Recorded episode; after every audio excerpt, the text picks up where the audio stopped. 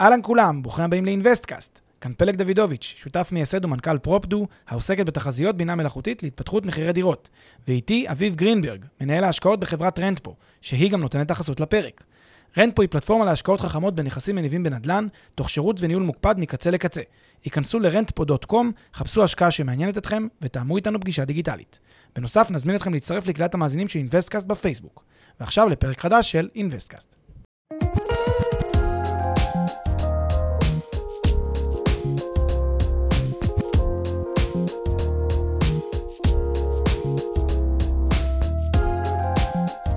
אהלן פלג. היי, אביב, מה העניינים? מצוין, מה שלומך? בסדר גמור.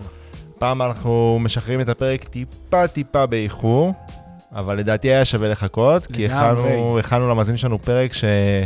שלדעתי הוא נותן מלא ערך, והוא נכון לכל המשקיעים על פני, על פני כל הסקאלה, על כשאני פני רואה גם את זה. כל הגלובוס. בהחלט. כל עוד הם מדברים עברית. כל עוד הם מדברים עברית.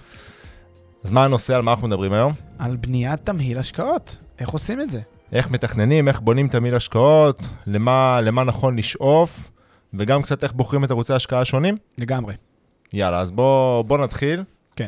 אם אתה רוצה שאני... אני רוצה שתתווה לנו את הדרך בהתחלה, זאת אומרת, לפחות את, השל... את השלבים הראשונים ונפתח את אני הדיון אתן רגע. בכותרות. השלב הראשון זה להסתכל על התקציב בעצם, על כל תקציב ההשקעות שיש לנו. תכף נראה איך אנחנו בודקים את זה. אחר כך אנחנו צריכים לחשב את תשואת התמהיל, כל התמהיל שלנו, וגם את זה נראה איך עושים. אחר כך אנחנו צריכים להגדיר את תשואת המטרה של התמהיל. אחר כך אנחנו אה, נשחק עם הרכב התמהיל, מה שמרכיב בעצם את התיק, את הפורטפוליו השקעות שלנו, ואחר כך לעשות בדיקות תקופתיות של אותו אה, תמהיל שאנחנו, שרץ, והתאמות אה, לאורך הדרך. לתקף זה את בעצם זה, כי זה משתנה. הכותרות בהיי-לבל של מה שנדבר עליו. יאללה, אז בוא, בוא נתחיל לגבי התקציב. כן. אה, עקרונית זה מרגיש לי שאלה פשוטה, זאת אומרת, כמה שיש לי להשקיע. לא? שאלה מאוד מאוד אה, מסובכת, ולמעשה, כמה שיש לך להשקיע, זה קצה קצה קצהו של הקרחון. כי זה ה... אה, אם תרצה, זה הפלאג נאמבר, הסוף בעצם של, ה, של הבדיקה.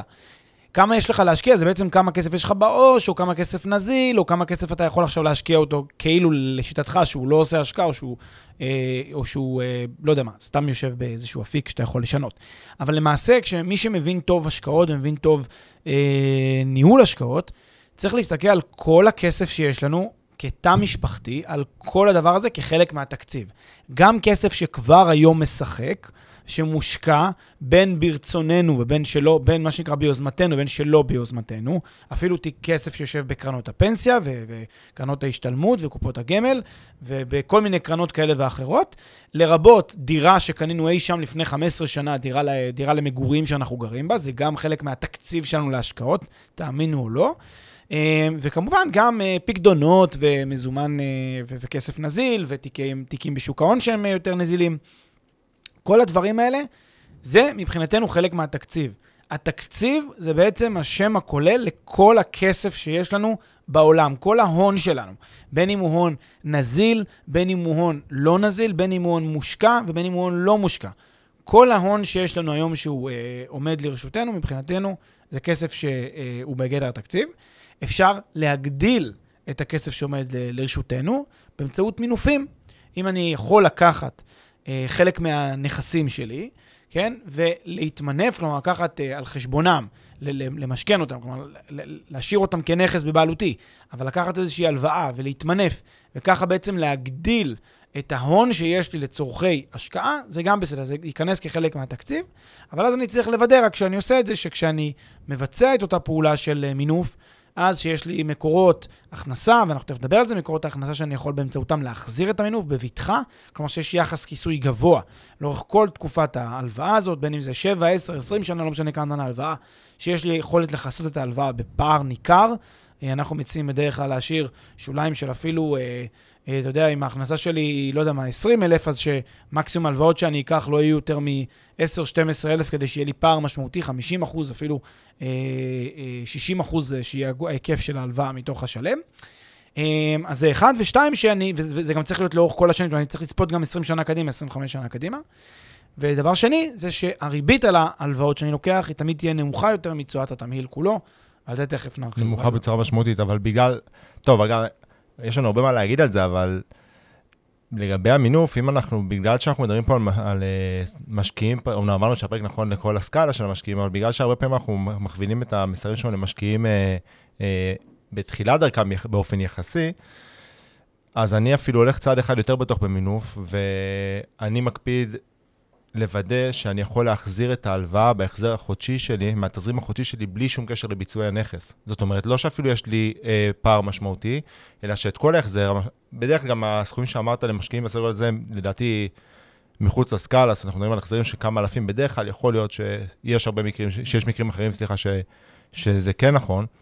ואני בסגנונות האלה של ההשקעה, הולך אפילו יותר בטוח ומוודא שאפשר להחזיר את זה מהתזרים החודשי. זאת אומרת שבמקום, נגיד שיש זוג שחוסך 5,000 שקלים מדי חודש, אז שאומרים בסדר, במקום לחסוך, אנחנו נחזיר עם זה את ההלוואה. ואז בלי שום קשר לביצועים של הנכס. אז גם הנכס מכניס כסף ו... נכון, ואם הנכס, ואז אם הנכס לא יכניס כסף, זה חודשיים, שלושה, לא כלום. בדיוק. כן, זה אני מסכים. אה, אבל בחזרה, כי זה, כשהנכס הוא מניב, אבל לא כל נכסים מניבים כמובן. נכון, ואז בכלל, ואז בכלל. כמובן, כמובן. אז אתה אומר שכל ה... האפיקים הפנסיונים ואפיקים אחרים, גם אתה מכניס אותם לתקציב, למרות בוודאי. שאין לנו משחק איתם. זה לא משנה, אבל הם משחקים. כלומר, אה, אה, קודם כל יש לנו משחק איתם, תמיד אני יכול לממש, אפילו שלא תמיד כדאי, ויש כל מיני... אה, אבל אני אתן לך דוגמה, נגיד, אני, יש לי, נגיד יש לי הערכות, לא משנה למה, יש לי הערכה שהתיק הפנסיוני שלי הוא יעשה השנה מינוס 3 אז אני אחזיק אותו? לא. זאת אומרת, אם זאת הערכה שלי, לא משנה איך הגעתי אליה. כן, אבל אתה מסתכל רב-שנתי, זה לא גם ברב-שנתי אני מניח שהוא עושה 4 3 ואני יודע שאני בתמיד יודע לעשות 8 כדאי להמשיך להחזיק אותו? לא בטוח. אה, נכון שאם אני ארצה פיזור, אני, אני כן אשאף לעבוד גם בשוק ההון, אבל מה שאני אומר זה שגם כסף שיושב היום באפיקים, ואולי גם ניתן את זה תכף עם הדוגמה של דירה, אה, וזו יהיה דוגמה מאוד מאוד יפה, דירה שאני גר בה, שזה נשמע לאנשים כאילו unheard of. מה, הדירה הזאת אני יכול עכשיו לעשות את הפעולה, כי, כי כן, אם היא מפיקה תשואה פחות טובה מאשר תשואת התמהיל שאני הייתי רוצה, אז כן, אז היא מעיבה לי על תשואת התמהיל. כנ"ל... ואם קשה לך למכור אותה, אז אתה יכול, כמו שאמרת, למנף אותה. אם אני, אם אני יכול למנף אותה, לקחת משכנתה וזה אפשרי, אבל גם אני חושב שבמקרים מסוימים כדאי אפילו למכור אם הדירה היא באזור שאני לא חושב שיש לו, שמפיק תשואה, אבל, או תשואה מספיק טובה, אבל שוב, הרעיון, העיקרון הבסיסי שמנחה אותי זה קודם כל לעשות, להסתכל על כל ה... יותר משחשוב לי עכשיו, האם אני משחק עם הכסף או לא יכול לשחק איתו, שזה כשלעצמה שאלה חשובה, ואתה כן נוגע בזה, זו שאלה חשובה, אם אני יכול לשחק או לא יכול לשחק. אני רוצה לדעת מה התיקים, מה התיקים האלה עושים, מה תשואת התמהיל שלי, תכף נגיע לזה. וכדי לדעת מה תשואת התמהיל צריך להבין מה התקציב שלי, מה כל, ה, כל ההון שלי, כמה הוא משחק. למה? תכף נבין. תכף אוקיי, נראה אז נגיד, נגיד שעשינו מצבה של כל הנכסים שלנו, בין אם זה, זאת אומרת, אה, קרנות הפנסיה, קרן השתלמות שיש לי ממקום העבודה, קופת גמל שפתחנו, ודירה שאנחנו לצורך העניין חיים בה, ועוד, סתם אני אומר, נגיד לצורך העניין 200 אה, אלף שקלים שחסכנו ב... לא יודע, בשנים האחרונות. זה השלב הראשון של התקציב. כן. עוברים הלאה? אה, כן, אני, אני רק רוצה להגיד שפה, אני צריך לקחת את כל הנכסים שלי, פחות כל ההתחייבויות שלי. כי אם יש לי התחייבויות, הלוואות, דברים מהסוג הזה, הלוואה לדודה או הלוואה לבנק וכולי, ואז אני בעצם מסתכל על, על, על בעצם סך ההון שלי, סך הכסף שעומד לרשותי, בין אם הוא נזיל, בין אם הוא לא נזיל, ואני רושם אותו בשורות באקסל, כדאי לעבוד פה עם אקסל, לרשום שורה-שורה, לרשום דירה בנתניה. אה, תיק קרן פנסיה כזה, תיק מנוהל בכזה וכזה בית השקעות, פיקדון בנקאי כזה וכזה, ככה וככה בעו"ש, וככה וככה, לא יודע מה, איזשהו, אה, אה, מה שאני אמור, אה, לא יודע מה, לקבל בעוד חודש איזה 200 אלף שקל, לא חשוב. אז זה כדאי לשים בתור, ברשימה כזאת באקסל, כדי להסתכל כמה כסף יש, אגב, לסכום, לראות כמה בעצם יש שם. אגב, זה קרוב, זה פחות או יותר כמה אתם שווים. זה מתעלם פה מהיוון של כל מיני תועלות עתידיות, שזה צריך להוסיף לכמה אתם שווים, אה, לרבות כמה תקבלו אה, ירושות, דברים מהסוג הזה, זה גם כדאי להתייחס, אבל אני שם בצד את הכמה אתם שווים. זה יותר בשאלה של כמה תקציב יש לכם לתוך, לצורך בניית תמהיל השקעה. Okay. זה אוקיי. השלב הראשון. אז יש לנו תקציב, חילקנו את זה לפי המקורות, אנחנו יודעים, הורדנו מזה את כל ההתחייבויות, ממשיכים הלאה לחשב את תשואת התמהיל. נכון, חישוב תשואת התמהיל. מה זה חישוב תשואת התמהיל? הכסף, מסתבר שהכסף שלי, שהוא חלק מהתקציב שלי של תיק ההשקעה, הכסף הזה עובד ומייצר כסף. אצל רוב המשפחות בישראל, ואגב גם בעולם, הכסף הזה מייצר בסביבות בערך 2 3 אחוז בממוצע רב-שנתי. למה? בגלל הרבה מאוד דברים שקשה להסביר אותם כרגע, אבל רוב האנשים לא מודעים פיננסית, לא מיודעים למה שהם עושים. הרבה מאוד כסף שלנו, אפילו שאנחנו חושבים שהוא זה, הוא לא מושקע נכון. חלק ממנו בכלל בעו"ש יושב ולא מושקע בכלל. חלק ממנו נש, נשחק בערכו, חלק ממנו תקוע בכל מיני דברים שקנינו, מוצרים, לא יודע, דברים שאנחנו בכלל לא צריכים, שגם זה נשחק. בקיצור, יש כאן הרבה מאוד דברים ש... בגדול נשחקים בערכם. אבל אם אני לוקח את הרכיבים הבולטים האלה בתקציב, כן, לא שמתי פה כלי רכב שקניתי, או כל מיני דברים כאלה, שכמובן שגם הם, יכולתי גם אותם לא לשים פה, אבל בואו ניקח את הדברים, את הרכיבים המרכזיים. אני לוקח כל אחד ואחת מהשורות האלה שיש לי באקסל שרשמתי, שורה אחרי שורה אחרי שורה שלה, של אותו uh, תקציב, ואני מסתכל מה התשואה הרב-שנתית שאותה שורה מפיקה בתיק שלי. ואז אני למשל מסתכל, אני רואה למשל קרן השתלמות. אני רואה קרן השתלמות, אני רואה שזה משוייך לבית השקעות כזה וכזה, אני הולך לטפסים שקיבלתי מהם, ואני רואה שמהלך 2020 היה ככה, ו-2019 היה ככה, ו-2018 היה ככה, ו-2017... אומר, בערך אני בסביבות נגיד 3.8% תשואה אה, רב-שנתית, בסדר? כאן המקום להגיד שמה שאני מחפש זו תשואת IRR נט. כלומר, נטו IRR, התשואה אפקטיבית, ריבית דריבית, בנטו. בלי מיסים, אחרי שניקיתי את כל המיסים, אחרי שניקיתי הכל. אגב, המהדרין גם ינקו אינפלציה, אני תכף אדבר גם על אינפלציה. אבל כעיקרון, אני מראה תשואת IRR נט לכל אחת מהשורות האלה. אז אני בעצם בודק על בסיס הרב-שנתי, ולא על בסיס כמה שהם כתבו לי משנה לשנה, על בסיס הרב-שנתי, מה התשואה האפקטיבית השנתית של כל אחת ואחד מהשורות האלה. קרן השתלמות, קופת גמל, קרן פנסיה, דירת מגורים, מזומן בעו"ש ודברים כאלה. דירת מגורים טיפה יותר טריקי. אז בוא, אז הנה עכשיו ניכנס רגע לדירת, איך אני עושה לדירת מגורים ואיך אני עושה למזומן בעו"ש.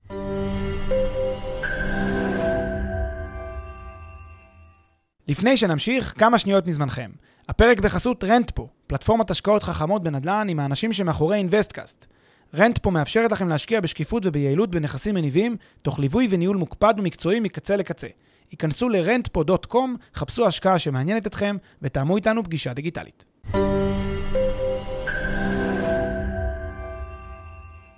קודם כל, מזומן בעו"ש זה קל. מה התשואה על מזומן בעו"ש? אפס, נכון. למה? כי אני לא משקיע אותה. אז אם יש לי, יושבים איזה 60 אלף שקל בעו"ש שלא משחקים, אז הנה אתם שמים את זה אפס. עכשיו, אני לא אומר, בגלל שזה אפס, רוצו להשקיע אותם. יכול להיות שהם צריכים שיהיה לכם כרית ביטחון של 60 אלף שקל נזיל. זה בסדר גמור, אני לא נגד. אני רק אומר, אל, ת, אל תרמו את עצמכם, כי האמת היא שיש לכם 60 אלף שקל בהון שלא משחק.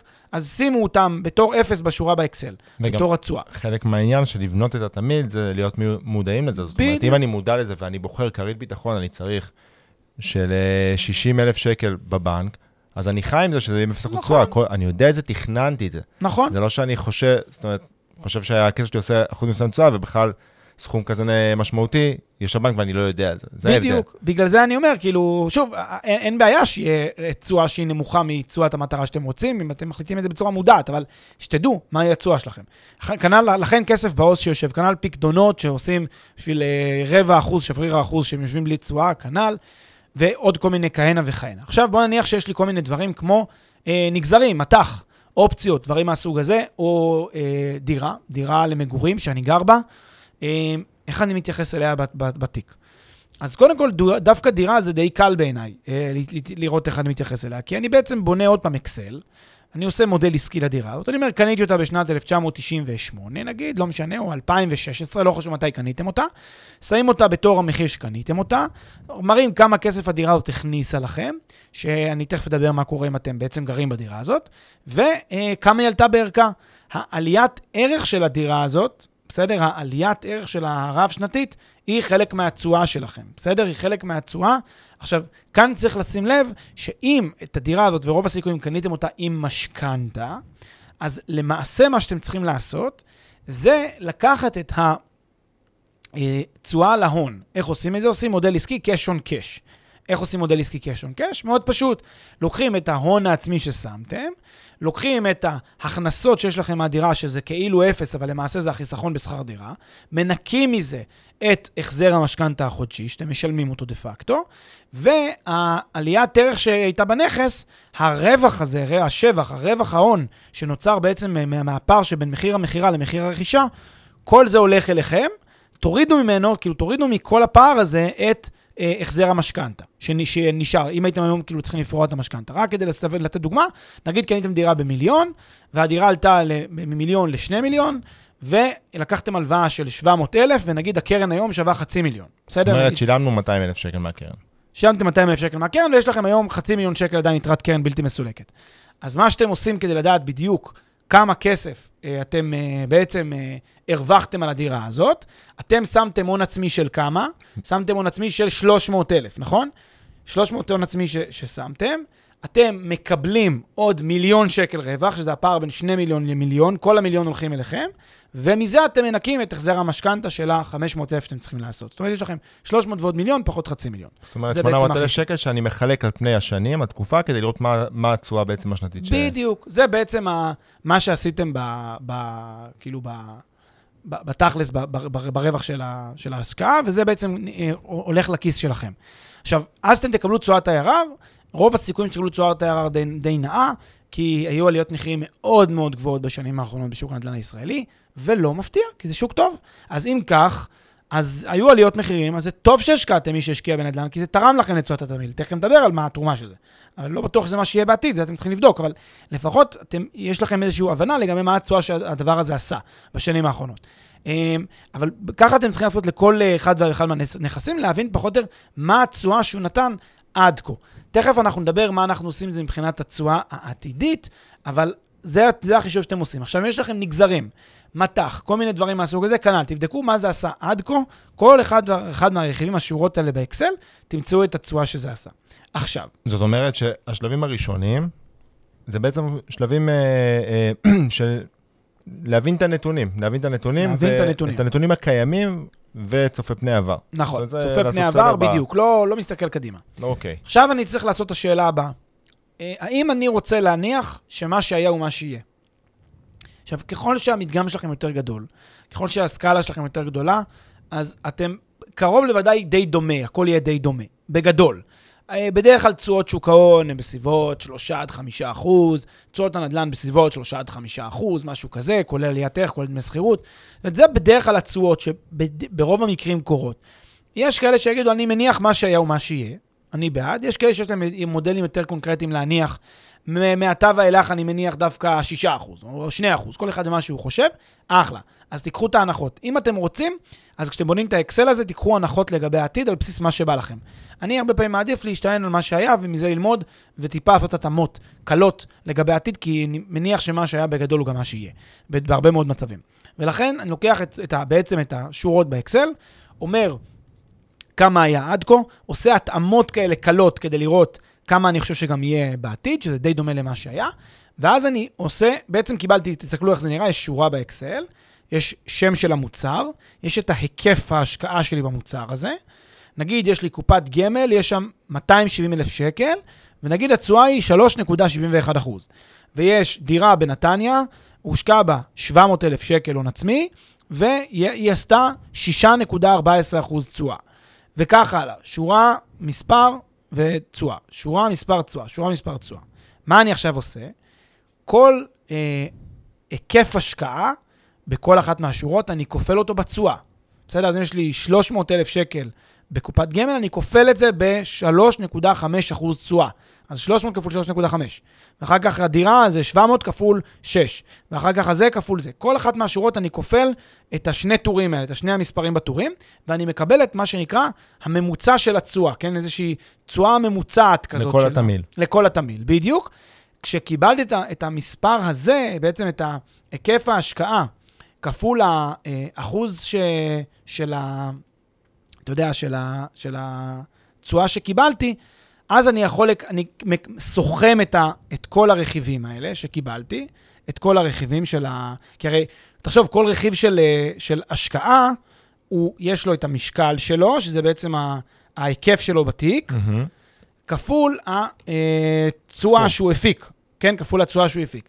אני לוקח את הסכום הזה שקיבלתי, את סכום כל המכפלות האלה, ומחלק אותו בסך הכל קרן ההשקעה שלי, בסדר? מהמם. ואז אני מקבל את התשואה הממוצעת שהייתה לי בכל התיק. סגור, עדיין, עדיין פני עבר, התשואה שהייתה עד עכשיו. נכון, אבל אני עשיתי פה גם אה, כאילו מעין אה, הסקה למה העתיד. כי כל אחת מהתשואות, כשאני קבעתי נגיד 6% בנדל"ן, אמרתי, טוב, זה מתבסס על העבר, אבל אני גם לקחתי פה כל מיני הנחות לגבי העתיד. אני אבל כאן טיפה יותר מסויג בבקשה. ממך לגבי ההנחות. זאת אומרת, קודם כל, זה בסדר, משהו בסיסי שחייבים להגיד, וזה גם make sense, העבר לא בהכרח מנבא על העתיד, זה משהו שצריך להגיד. אה, מהצד השני, השאלה היא על מה כן אפשר להתבסס, כי אין, זאת אומרת, בסוף צריך להניח איזה שהן הנחות כדי לקבל החלטה. העניין הוא שאני חושב ש... שיותר נכון להתבסס על העבר כשאתה משקיע ב, בערוץ שהוא יותר רוחבי, זאת אומרת, אם אתה משקיע עכשיו באינדקסים, בקרנות שמחקות מדדים, אז, אז כשמדברים על מדד, אתה יודע, כמו S&P 500, אז אז כן יותר הגיוני לי לפחות להניח שמה שהיה בעבר, כנראה בהמשך, כי גם אם יהיה איזה משבר באמצע, אז הוא יפצה ויתקן, כי שווקים עולים, שווקים צומחים. כן. להבדיל, כשמדובר, ובגלל שהתחלנו לדבר על הדוגמה הזאת, אז זה מה שדווקא פה אני רוצה לציין, כשמדובר עכשיו בדירה בנתניה, או בדירה, זאת אומרת, אני כמשקיע, כמשקיעים אה, אה, פרטיים, כנראה יש לנו דירה אחת או שתיים.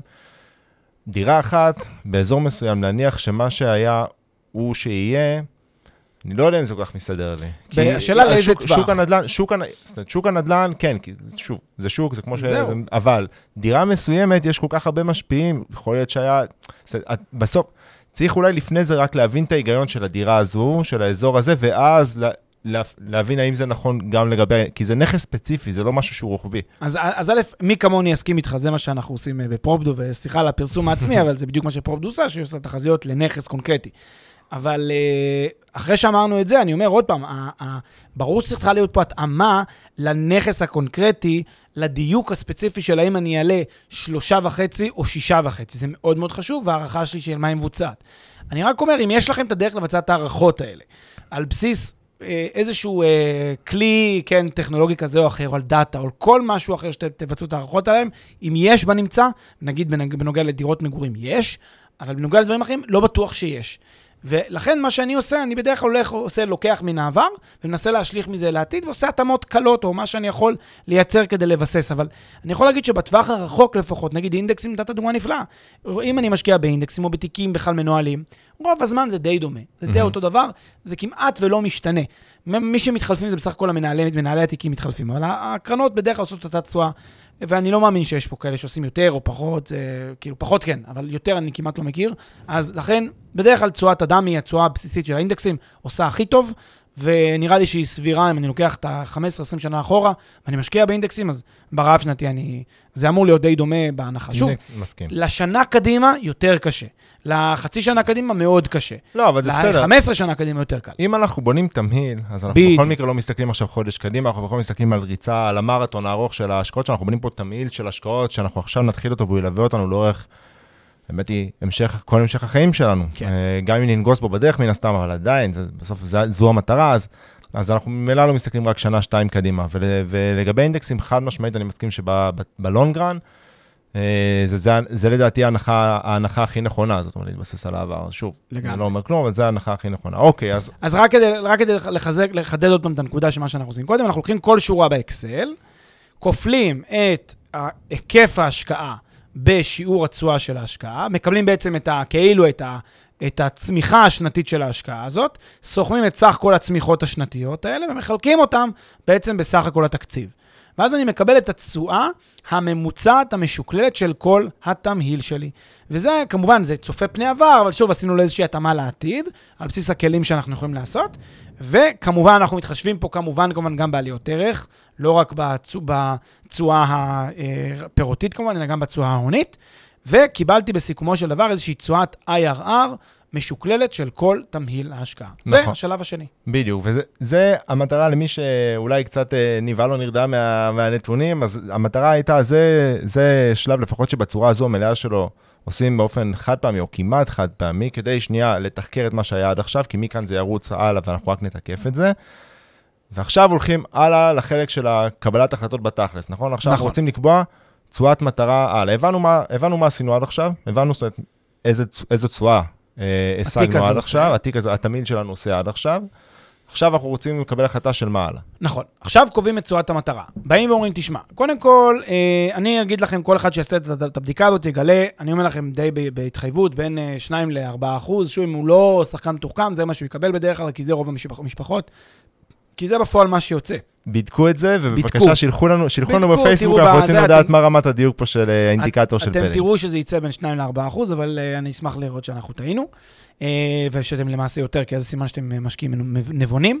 אבל כעיקרון, מה זה תשואת המטרה? תשואת המטרה זה בעצם כמה הייתי רוצה שהתמהיל הזה ישחק עכשיו לאורך כל השנים. ושוב, הרעיון הוא שאני רוצה להפיק כמה שיותר אה, תשואה. אבל אני גם מבין, כן, עושה את זה בהביני שאין מתנות חינם, וכשאני מגדיל את התשואה וכולם נלחמים על הגדלת התשואה, אני גם מגדיל את הסיכון. לכן אני בעד uh, משוואת אופטימום כזאת, אנחנו עשינו פה הרבה מאוד פעמים, דיברנו על מועדון ה-8% ועל תשואת המטרה של 8%, ולא סתם אנחנו קובעים את המספר הזה בין 6 ל-8 כמספר קסם. זה מספר שלדעתנו, באופטימום שבין רמות סיכון גבוהות סול, מצד אחד, סולידיות מצד שני, ולא גם עודף סולידי מצד שלישי, אנחנו בדיוק באופטימום, במקום הנכון. זאת אומרת שאנחנו קצת הגדלנו את רמת הסיכון, קצת הגדלנו את פרופיל האתגריות של ההשקעה, ומצד שני, לא עלינו למספרים שהם הרבה יותר גבוהים. רק כדי לסבר את האוזן, אם אנחנו קופצים כבר לכיוון ה-10% IRR. הקפיצה היא אקספוננציאלית משמעותית ברמות הסיכון, ופה זה כבר תיק סופר קשה. עכשיו תניחו שאנחנו קופצים ל-12%, זה כבר תיק בלתי אפשרי. זהו, לדעתי כי, כי לאורך יש, את זמן. כל, יש את כל הפנסיות. שהפנסיה מהווה חלק גדול מהתיק, שהיא לא עושה תשואה ומזומן כזאת. בעו"ש, ופקדונות. זאת אומרת שאני צריך. להיכנס להשקעות, שבה, שוב, הכל זה יחסי, אז בתוך התיק הזה, אני צריך להיכנס להשקעות של אה, 17, 18, 20 אחוז תשואה. מאוד מאוד קשה. IRR נטו. לאורך שנים. אז בגלל זה אנחנו רואים, זה כמעט לא סביר. אבל יש אנשים שעדיין חותרים לזה. אז א', בהצלחה, אנחנו באמת מאחלים לכם בהצלחה ומקווים שתצליחו, אבל לאלה שרוצים קצת יותר לישון טוב בלילה, אני חושב ש-6 עד 8 אחוז נט IRR זה אחלה באחלה ומספיק טוב לשאוף לזה, לא צריך יותר מזה.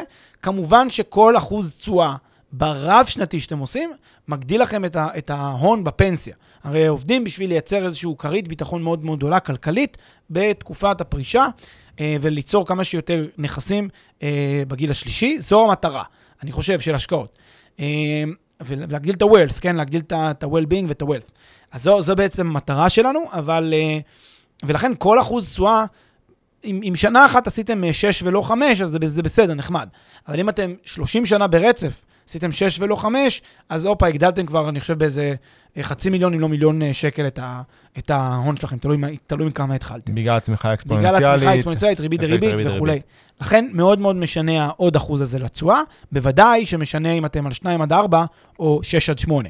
כן, זה מאוד מאוד משנה, זה עניין של 3, 4, 5 מיליון שקל יכול להיות בהון בפנסיה. מאוד חשוב בתקופה של נגיד 20 שנה. אז ממה נגזרת התשואת המטרה שאתם רוצים לקבוע? אנחנו ממליצים על 6 עד 8 אחוז. אה, זה כאמור איזון נכון בין כל הדברים, אה, וזה יוצר אה, תשואה שהיא תשואה מאוזנת וסולידית. עכשיו אתם צריכים לבדוק את התמהיל שלכם ביחס לאותה תשואה. האם אתם מתחת, מעל או בדיוק בטווח. לבדוק, ולמעשה זה לעדכן אותו, ואולי אפילו, אני לא, אני לא אגיד לבנות מחדש, בגלל שאנחנו מבינים עכשיו שיש חלק בסיסי משמעותי של התמהיל, שכנראה לא נמהר לשנות, שזה קרנות הפנסיה, אה, קרנות ההשתלמות שלי ממקום... רגע, אבל אתה קופץ לארבע, זה שינוי הרכב התמהיל. אז חשבתי שעברנו לזה. לא, לא, אנחנו עוד לא, עוד, עוד שנייה אחת אותי. על זה, רק, רק אנחנו עדיין בשאלה של איך אני קובע את התשואה עצמה. אוקיי. אה, ו- והתשואה עצמה, אני רק אומר שהיא נקבעת לפי המדד הזה של האיזון האופטימלי בין הסיכון לבין הסולידיות, שזה ה-6 עד 8 אחוז. מהמם. עכשיו אנחנו יכולים לעבור ל, לבעצם שינוי ההרכב. בול. הרעיון הוא שבהרכב התמהיל שלי, יש לי איזשהו תמהיל, והתמהיל מורכב מהרבה מאוד שורות. ועכשיו אנחנו, שעשינו את השלבים הקודמים, אנחנו הבנו מה התמהיל, הבנו, זאת אומרת, עכשיו אנחנו יודעים לזהות את התמהיל שלנו. כן. ועכשיו- יודעים את התשואה שהתמהיל עושה, ויודעים את תשואת המטרה שלנו. בדיוק. ועכשיו אנחנו רוצים לבדוק האם יש הלימה בין תשואת התמהיל שלנו בפועל לבין תשואת התמהיל שאנחנו היינו רוצים להגיע אליה. ואנחנו רואים ברוב המקרים נגיע לזה שאנחנו נמצאים דאון, כאילו מתחת לתשואת המטרה, ולכן אנחנו רוצים לשנות את הרכב התמהיל. מה זה לשנות את הרכב התמהיל? זה לקחת כל אחת ואחת מהשורות שבנינו באקסל של התמהיל, ולבדוק האם אפשר לעשות איתה משהו כך שנוכל בעצם להגדיל. בדרך כלל, יהיו הרבה דברים שאי אפשר לגעת בהם, כמו שאמרת. קרנות השתלמות, קרנות פנסיה, דברים מהסוג הזה, שהם תקועים שם, ואין לנו שליטה, אלא אם כן אנחנו רוצים לשלם, אתה יודע, קנס כזה. קנס מימוש, קנס פירעון מוקדם. במקרה כזה אנחנו שיעור לא... מס נו- גבוה. עם שיעורי מס גבוהים, לא נוכל תמיד לגעת בהם. אף על פי ששוב, אני אומר, בזהירות, אתם צריכים לוודא שאתם לא מש... מקבלים פה תשואה שהיא אפסית, ואתם סתם ממשיכים להחזיק את זה. אין לי בעיה לשלם אפילו קנס מסוים, אבל לא לקבל את התשואה האפסית, אם אני חושב שאני יכול להפיק יותר טוב בתמהיל. אגב, גם אבל- קרן פנסיה, אפשר, ש- כן אפשר, אפשר לשנות מסלולים, אפשר לעבור בית השקעות. בדיוק. גם זה אפשר לעשות, לשנות מסלולים, לשנות בתי השקעות, לשנות טיפה את ההרכבים, מנייתי, אג"ח, טיפה לשחק עם זה כדי לייצר כמה שיותר תשואה לכל אחד מהרכיבים. אז אפשר או לשנות את השורה בתוכה, כאילו בתוך השורה לשנות, להחליף מנהל תיקים, להחליף בית השקעות, או לממש את השורה ולהעביר אותה לשורה או שורות אחרות. אז אחד הדברים שאני מוצא, ש... כן, שאנחנו רואים הכי הרבה פעמים שאנשים לא יודעים ולא ערים להם, זה שלמשל תשואות שיש להם, למשל תיקים שהם מנהלים לעצמם בשוק ההון, כמה מאות אלפי שקלים, אם הם מחזיקים כל מיני יתרות uh, מט"חיות, אם הם באמת יושבים על מזומן מסוים שלא משחק, אם הם יש להם איזושהי דירה באזור עלוב שלא מתפתח כבר הרבה מאוד שנים וגם לא צפוי להתפתח. כל הדברים האלה אפשר לממש, יכולים לשבת פה 2-3 מיליון שקל, שיושבים על 1% תשואה, רבע אחוז תשואה, חצי אחוז תשואה, ואיתם אפשר לשחק. נכון שאם אני גר בדירה, יהיה לי קשה לממש אותה כדי להשקיע אותה. אבל לפעמים זה מה שצריך, כדי לעלות מה-2 עד 4 ל-6 עד 8. על זה אנחנו מדברים. אפשר לממש את הדירה הזאת, מממשים אותה, מקבלים, נפגשים עם ההון העצמי שכפור בדירה הזאת, אותם 800,000, ועכשיו לוקחים את הדבר הזה ומפצלים את זה. עושים זה שתי השקעות, אחת נגיד דירה בחו"ל, והשנייה בעוד איזשהו תיק בשוק ההון, אה, אפילו גם בחו"ל. ואז אני הגדלתי קצת את החשיפה שלי, הגדלתי קצת את רמות הסיכון, אבל אני מצליח להגיע לזה שהדירה בחו"ל מביאה לי 10%, וההשקעה בשוק ההון מביאה לי 9%. ואז ביחד, שתיהן מעלות לי את כל. כל התמהיל מ-3.7 ל-5.2. הופה, אני כבר מתקרב. עכשיו יש לי גם מזומן שיושב, אז אני יכול טיפה לעשות עם המזומן הזה גם כן משהו, להכניס אותו, להוסיף אותו קצת לשוק ההון, לאיזושהי תעודת סל בשוק ההון לצורך העניין, כן? ומגדיל את התשואה שלי בעוד איזה חצי אחוז, אני כבר על 5.7. וככה לשחק עם התמהיל הזה, כל הזמן לנגוס עוד טיפה, להגדיל עוד טיפה, ואני חוצה את השישה אחוז, נגיד מעביר איזשהו תיק, אה, קרן השתלמות טיפה מגדיל את המנייתי, ממש קצת, ועולה לכיוון ה-6.2 אחוז. וזהו, אני בין ה-6 ל-8, זאת תשואת היעד. עכשיו, נכון, הגדלתי את הסיכונים, אבל אני אומר עוד פעם, הסיכון המצרפי של התיק הזה הוא לא מאוד גבוה. עדיין 6 אחוז, 7 אחוז, 8 אחוז תשואה, זה לא סיכון מאוד מאוד גבוה. לא קפצתי לעבר ה-20 אחוז תשואה, ש- שאנשים הרבה פעמים קופצים. אמ, אגב, הקושי, הקושי אה, למכור דירה שהיא קיימת עכשיו למגורים, בגלל זה אני, זו אחת, אחת הסיבות שאני חושב שנכון לבנות תמיד השקעה בשלב כמה שיותר מוקדם בחיים הבוגרים שלנו. זאת אומרת, לפני שאנחנו בכלל חושבים האם לקנות דירה למגורים או דירה להשקעה, בשלב כמה שיותר מוקדם, א', בכלל להתחיל לעקוב אחרי זה, זה נדרש, אבל גם כדי לחסוך את הקושי הזה, זאת אומרת, לראות בכלל אם אני רוצה להשקיע בדירה למגורים, להבין מה התשואה שאני אקבל לפי החישוב שעשינו מזה שאני גר בה, ואז להחליט האם נכון לי לעשות את זה או לא. צריך להבין שמי שקונה דירה למגורים, קונה דירה להשקעה. זה לא משנה אם הוא גר בה, אין הבדל. הוא קונה את הדירה ל- למגורים, זה כמו לקנות אותה להשקעה. אה, כי בסיכומו של דבר, ההון הוא אותו הון, הוא יכול היה להשקיע אותו באפיקים אחרים ולשכור. אין הבדל הרי, זה כלכלי, זה לא כזה משנה, ההון הזה משחק. אם אני לוקח את ההון הזה, חוסך לעצמי דמי שכירות, אה, אז אני בעצם, אה, התשואה של עליית הערך והתשואה של החיסכון בדמי שכירות זה תשואה אחת, כי אני משקיע. לעומת זאת, אם אני לוקח את ההון הזה ולא קונה עכשיו דירה, אלא אני משקיע את הדירה הזאת, משקיע את הכסף הזה בדירה בחו"ל לצורך העניין, ושוכר בעצמי. אז אני אומנם משלם דמי שכירות, אבל אני מקבל מההון הזה דמי שכירות ממקום אחר, ואולי גם עליית ערך גדולים יותר. לכן המבחן הוא מבחן של בעצם איזו השקעה עדיפה. האם השקעה בדירה בחדרה, או האם השקעה בדירה במקום אחר, אה, שאני גר בה, או שאני שוכר. זהו, זה העניין. ש... זאת אומרת, גם כשאני קונה דירה למגורים, זה, זה, בסוף זה השקעה, זו לא בהכרח השקעה טובה, כי כשאני קונה בדיוק. דירה למגורים, אני קונה דירה איפה שאני רוצה לגור, לפי העדפות שלי, ולא בהכרח איפה וסוג הדירה שתיתן לי את ה- את ה-IRR, יותר נכון, סליחה, אה, הכי גבוה לפי פרופיל הסיכונים הנמוך הזה שאני רוצה אליו. בדיוק, בדיוק. האנשים שקונים דירה מטעמים רגשיים, כי הם רוצים את הביטחון, אני מבין אותם, כמובן. זה מובן, אבל צריך להבין מצד שני שזה פוגע, יכול להיות שזה פוגע בצורת התמהיל. אם עליית הערך השנתית היא 1%, החזויה באזור הזה, כי אין כמעט עליית ערך, ויש הרבה מקומות בארץ שזה מה שקורה איתם, לפחות לפי תחזיות שונות, ויש שם תשואת שכירות של 2%, אז ה-IRR יהיה 2.8% רב-שנתי, ו-2.8% IRR שנתי, עם זה אי אפשר ללכת למכולת. אז זה לא, לא מספיק.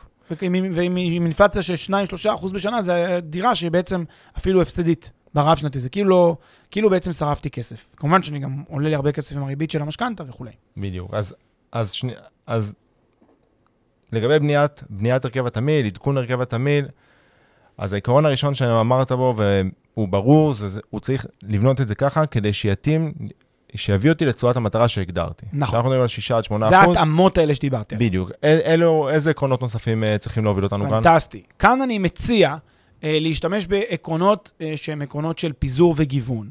אני לא רוצה, אני לא חושב שזה נכון שכל ההשקעות שלנו יהיו רק בנדל"ן, ואני גם לא חושב שזה נכון שכל ההשקעות שלנו יהיו רק בשוק ההון. אני לא אוהב את ה groupies של שני הצדדים. אני רק שוק ההון, אני רק נדל"ן.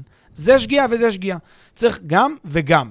למה? הדוגמה הכי טובה לזה היא שאנשים שקונים אה, דירות ונכנסים לדירות, קשה להם, הם צריכים להנזיל, לוקח קצת זמן להנזיל, אז זה בעיה.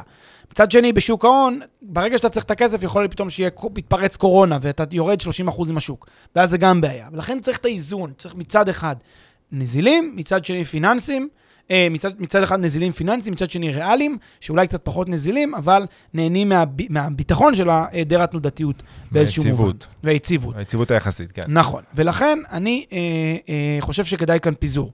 כדאי גם פיזור גיאוגרפי. כדאי פיזור בין מדינות, ולא רק להשקיע את כל הביצים, כמו שאומרים בישראל. נכון שהשוק הישראלי הוא שוק מצוין, אבל יש לו גבולות ומגבלות, ובאיזשהו שלב יכול מאוד להיות שהשקל יעשה את האפצ'י לכיוון השני, ומחר אנחנו נראה פתאום שהיורו מתחזק, או שהדולר מתחזק, או שהיין מתחזק, ודווקא עדיף היה להשקיע בדירה באירופה, ולא להחזיק אה, את הדירות, כל הכסף ואת כל ההון בישראל. יש גבול, אני חושב. אה, גבול של, הייתי אומר, בסביבות אה, שני שליש מהתיק שלכם זה גבול סביר להשקעה בשוק הישראלי. אתם גם ככה תשכחו חשופים לשוק הישראלי מכל כיוון. המשכורות שלכם בשקל, הפנסיות בשקל, הקופות גמל, הקרנות השתלמות, הכל בשקל. אתם צריכים להבין שהמשק הוא הולך ונהיה יותר ויותר גלובלי. היום לקנות מוצרים בישראל זה כמו לקנות אותם בחו"ל, אין שום הבדל בין לקנות ב eBay לבין לקנות אה, בסופרמרקט, אין שום הבדל. לכן, אה, לקבל משכורת בשקל זה נחמד היום כשהשקל חזק. מחר יש אפצ'י, השקל נחלש, ההתי... עולה לכם יותר יקר לקנות ב eBay. וזה משנה לכם, את, משנה את השוק, משנה את הרגלי הצריכה של השוק, משנה מבחינתכם, זה כאילו הייתה אינפלציה מאוד מאוד חזקה של המחירים, כשאתם לא נהנים ממשכורת שעולה בהתאם. לכן אתם כאילו נחלשים. לכן כדאי לעשות פה איזושהי התאמה, פיזור אה, מסוים, שהוא פיזור גם מטבעי וגיאוגרפי. שזה אגב יכול להיות אחד ה... לא שאני אומר לא לעשות את זה, אבל משהו שצריך לקחת בחשבון. אה, אחד החסרונות ב...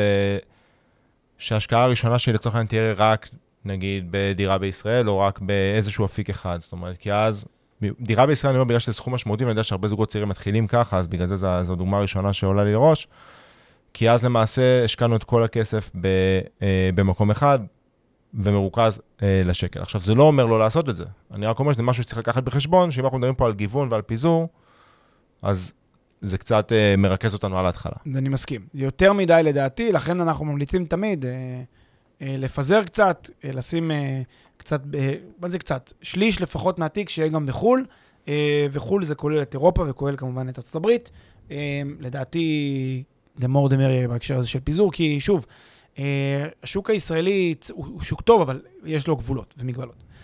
ועוד אה, עיקרון נוסף שאני חושב שכדאי לקחת את החשבון בבניית התמהיל המעודכן, זה אה, כדאי שהתמהיל יהיה יותר מושקע בהשקעות אינדקסים, ובכלל השקעות שהן השקעות שוק ולא השקעות ערך. כמה שיותר השקעות שהן השקעות מבוססות שוק, כי בדרך כלל השקעות שוק, פשוט יש להן ביצועים יותר טובים לאורך זמן. מה הכוונה השקעות שוק? השקעות שוק זה השקעות שבהן אני משקיע בשוק מסוים, ולא אה, משקיע במניה מסוימת, או, בד... או בפליפ אה, מסוים, או בעסקה יזמית מסוימת קונקרטית. מבחינתי, השקעת שוק זה גם להשקיע בדירה. אני משקיע בשוק, כי אם עכשיו אה, תל אביב עולה חמישה אחוז, אז גם אם קניתי דירה ביד אליהו, וגם אם קניתי דירה בצהלה, וגם אם קניתי דירה בבלפור, בבלפור, רחוב בלפור בתל אביב, כן, לא, לא ירושלים הפעם, אז גם בכל אחת מהנקודות האלה, הייתי קונה דירה, אה, הייתי עולה חמישה אחוז פחות או יותר, give or take.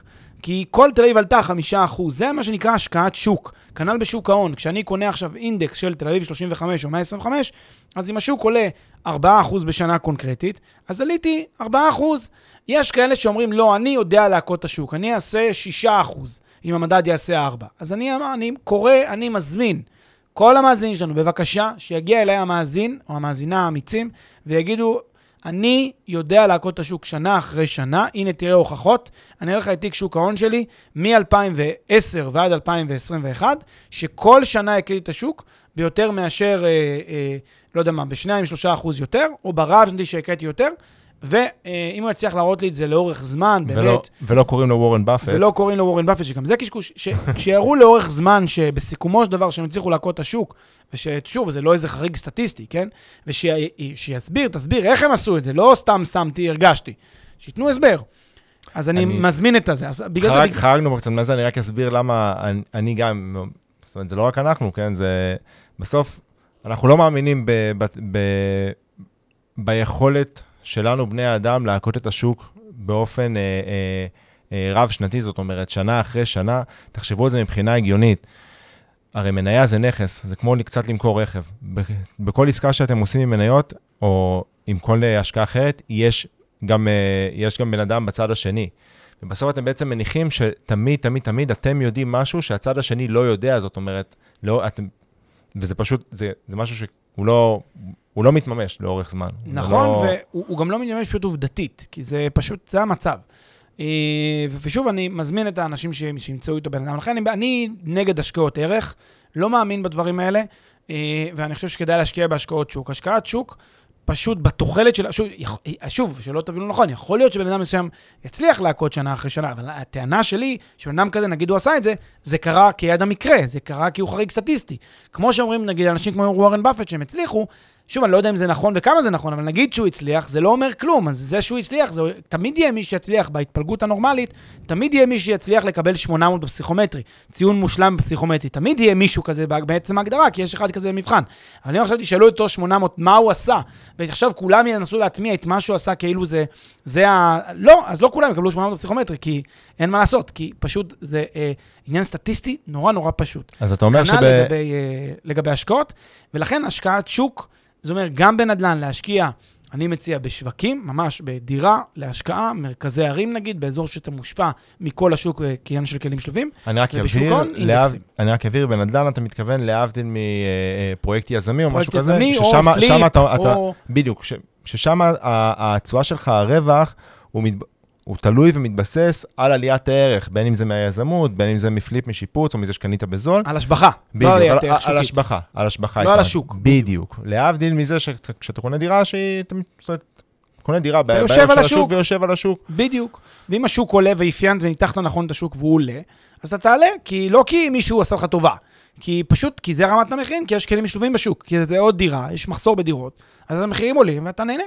אז זה המשמעות של השקעת שוק, לעומת השקעת ערך, ולכן אה, זה עוד רעיון לדעתי בתוך התמהיל. אה, אפילו שבהשקעות ערך, הרבה פעמים אפשר לראות תשואות לכאורה יותר גבוהות במודלים, דה פקטו בהשקעות שוק לדעתי התשואות יותר טובות וגם יותר סולידיות. אז מה שאתה אומר זה להסיט את ההשקעות שלנו אה, להשקעות שהן יותר השקעות שוק, כמו שאתה אומר. אגב, צריך להגיד, אמנם אמרתי את זה מקודם, אבל אמרנו שאפשר לשנות מסלולים של, אה, של קרנות השתלמות, של קרנות פנסיה. שוב, לא ממליצים פה בשום דבר, לא ממליצים פה שום דבר, זה משהו שאתם צריכים לבחון לעצמכם, אבל גם בהרבה בתי השקעות, את, ה, את, ה, את הערוצים האלה, הפנסיונים, אפשר להפ, אה, להסיט לאפיקים שמחקי מדד, מחקי מדדים נכון. כאלה ואחרים, ואז אתם מוודאים שאתם מושקעים שוק גם בערוצים האלה, שבהתחלה, שימו לב, אמרנו שאין לנו שליטה עליהם, אז הנה, לפעמים יש שליטה ולפעמים אתם יכולים גם להסיט אותם לערוצים שמחקים שוק, ואז אתם לא תלויים בגחמות של מנהל קרן כזה או אחר. נכון, מנהלי תיקים אה, כעניין אה, שגרתי ורציף, זה כבר אה, נדון ולוטש הרבה פעמים כבר. אין בתי השקעות יותר טובים מאחרים. זה בעיניי לפחות. שוב, תראו לי, מי שרוצה שיראה, אני אשמח. עוד לא ראיתי בית השקעות ששנה אחרי שנה אחרי שנה אחרי שנה אחרי שנה, פשוט מכה ומצליח יותר בדיוק. יותר בכל המסלולים שלו, כן? זה שיש לו חצי מהמסלולים שהם מעל המדד וחצי מתחת למדד, אוקיי, יופי, אבל בשנה הבאה זה בדיוק הפוך. אלה שהיו מעל עכשיו יהיו מתחת ולהפך. לכן עוד פעם, הכלל הבסיסי שהמדד בדרך כלל הוא ההשקעה הכי טריוויאלית, הכי סבירה לדעתי, עומד בעינו, ואני מאוד... אה, אגב, שימו לב שכשאתם מסיטים ל- את הערוץ, את ה... דמי ניהול יותר יקרים. בדיוק, לא, יותר זולים. לא, דמי ניהול יותר יקרים בתיקים מנוהלים. בדיוק, ביחס למאינדקסים. וכשאתה מסיט לאינדקסים, אז אתה. מקבל, גם אתה חוסך גם דמי ניהול. שוב, האפקט האקספוננציאלי, זה יכול להתרגם להמון המון כסף לאורך זמן. ברור, ברור. אוקיי, אז אמרנו, אמרנו מה העקרונות שאמורים אה, אה, אה, אה, להוביל אותנו בבניית הרכב התמהיל ובעדכון הרכב התמהיל. ואפילו בעצם כל שורה דוגמאות. בתמהיל החדש, אני לוקח את התשואה החדשה שלה אחרי שעשיתי את השינוי, את השורה, ואז בודק את התשואה, תשואת המטרה, ביחס לתשואת המטרה שלי, רואה אם עברתי את ה-6 עד 8 אחוז, אם אני בתוך הטווח. נ- אם אני שם, פנטסטי. אור ירוק, לשם אני עובד. נכון, ואם לא, אז גם אמרנו מה העקרונות שצריכים להוביל אותנו, איך לחפש ערוצים אחרים, או לשנות את הערוצים הקיימים. נכון. מה הלאה? מה הלאה? מדי uh, תקופה, אני מציע כל uh, שנה לכל הפחות, uh, אבל אפשר גם כל רבעון, כל חצי שנה, אבל לכל המאוחר כל שנה. Uh, לבדוק, לפתוח מחדש את התמהיל, לראות מה הביצועים שלו היו בשנה שעברה. לא לשנות דברים רק בגלל ששנה מסוימת הם נפלו. למשל, אם אני משקיע לונג רן בשוק ההון או בנדל"ן, אז זה ששנה מסוימת הייתה ירידה, זה לא אומר. אני צריך לראות מגמה. אם אחרי 3-4 שנים ראיתי שהייתה אה, תשואה נמוכה יחסית באפיק מסוים בשוק ההון, יכול להיות שאני צריך לשנות. יכול להיות, לא בטוח. או בנדל"ן יכול להיות. אבל כעיקרון לבדוק את התמהיל איך הוא, איך הוא מתבצע. שוב, זה לא רק מה היה, אלא זה גם מה התחזית שלי לגבי העתיד. אם אני חושב שקרה משהו בעולם, כן, יש איזה משהו, ואני חושב שעכשיו לא זמן טוב להשקיע, נגיד בדולר או ביורו או ביין, לא משנה מה, או בכלל, יכול להיות שאני צריך לממש איזושהי השקעה שהיא מושקעת בדולר. סתם אני אומר את זה כדוגמה, אבל הרעיון זה שאני עושה את הבדיקה התקופתית, בודק את התשואה המשוקללת שלי, ואני רואה כל הזמן שאני בין 6 ל-8 אחוז, ועושה את ההתאמות בתיק בהתאם לכך. אני חושב שלגבי לגבי ההתאמות, אתה נגעת בזה, אבל אני רוצה להרחיב על זה קצת. אה, חשוב, ש, חשוב להדגיש שיש לנו איזה ביוס שמונע מאיתנו לקבל את ההחלטה הנכונה ברגעים כאלה, ובטח שגם לא צריך, הרבה פעמים לא צריך לקבל החלטה ברגעי משבר. ואם תחשבו על זה מבחינה הגיונית, אני אפילו אגיד משהו, זאת אומרת, שיכול להישמע רדיקלי, אבל לדעתי הוא ממש make sense. הרי לצורך העניין, אנחנו בתחילת הדרך אמורים לקבוע את משקלי ההשקעות השונים שלנו. נגיד, פלג, אתה דיברת על שליש אה, בחו"ל, אה, לפחות שליש בחו"ל. לצורך העניין, אנחנו גם לקבוע כמה אנחנו רוצים להיחשף לשוק אה, מניות, כמה שוק נדל"ן. אה, או, ושווקים אחרים, מטח זר, זהב, יש עוד המון ערוצים אחרים. אבל לצורך העניין, נגיד שקבענו שאנחנו רוצים, סתם אני אומר, רבע מתיק ההשקעות שלנו שיהיה חשוף למניות, זאת אומרת 25%. עכשיו קרה משבר והערך של המניות שלנו מאוד מאוד ירד. הנדל"ן, אגב, כמו שקרה בתקופת הקורונה, לא ירד. אולי אפילו קצת עלה, אבל בטח שלא ירד. עכשיו... עלה 4 עד 6 אחוז אפילו. בכלל. עכשיו, התמהיל שלנו יצא מהאיזון שאנחנו קבענו. יהיה, יכול להיות שאפילו יהיה דווקא נכון, דווקא עכשיו, לרכוש עוד מניות כדי לחזור, ל, לחזור ל, למשקלים שקבענו מלכתחילה.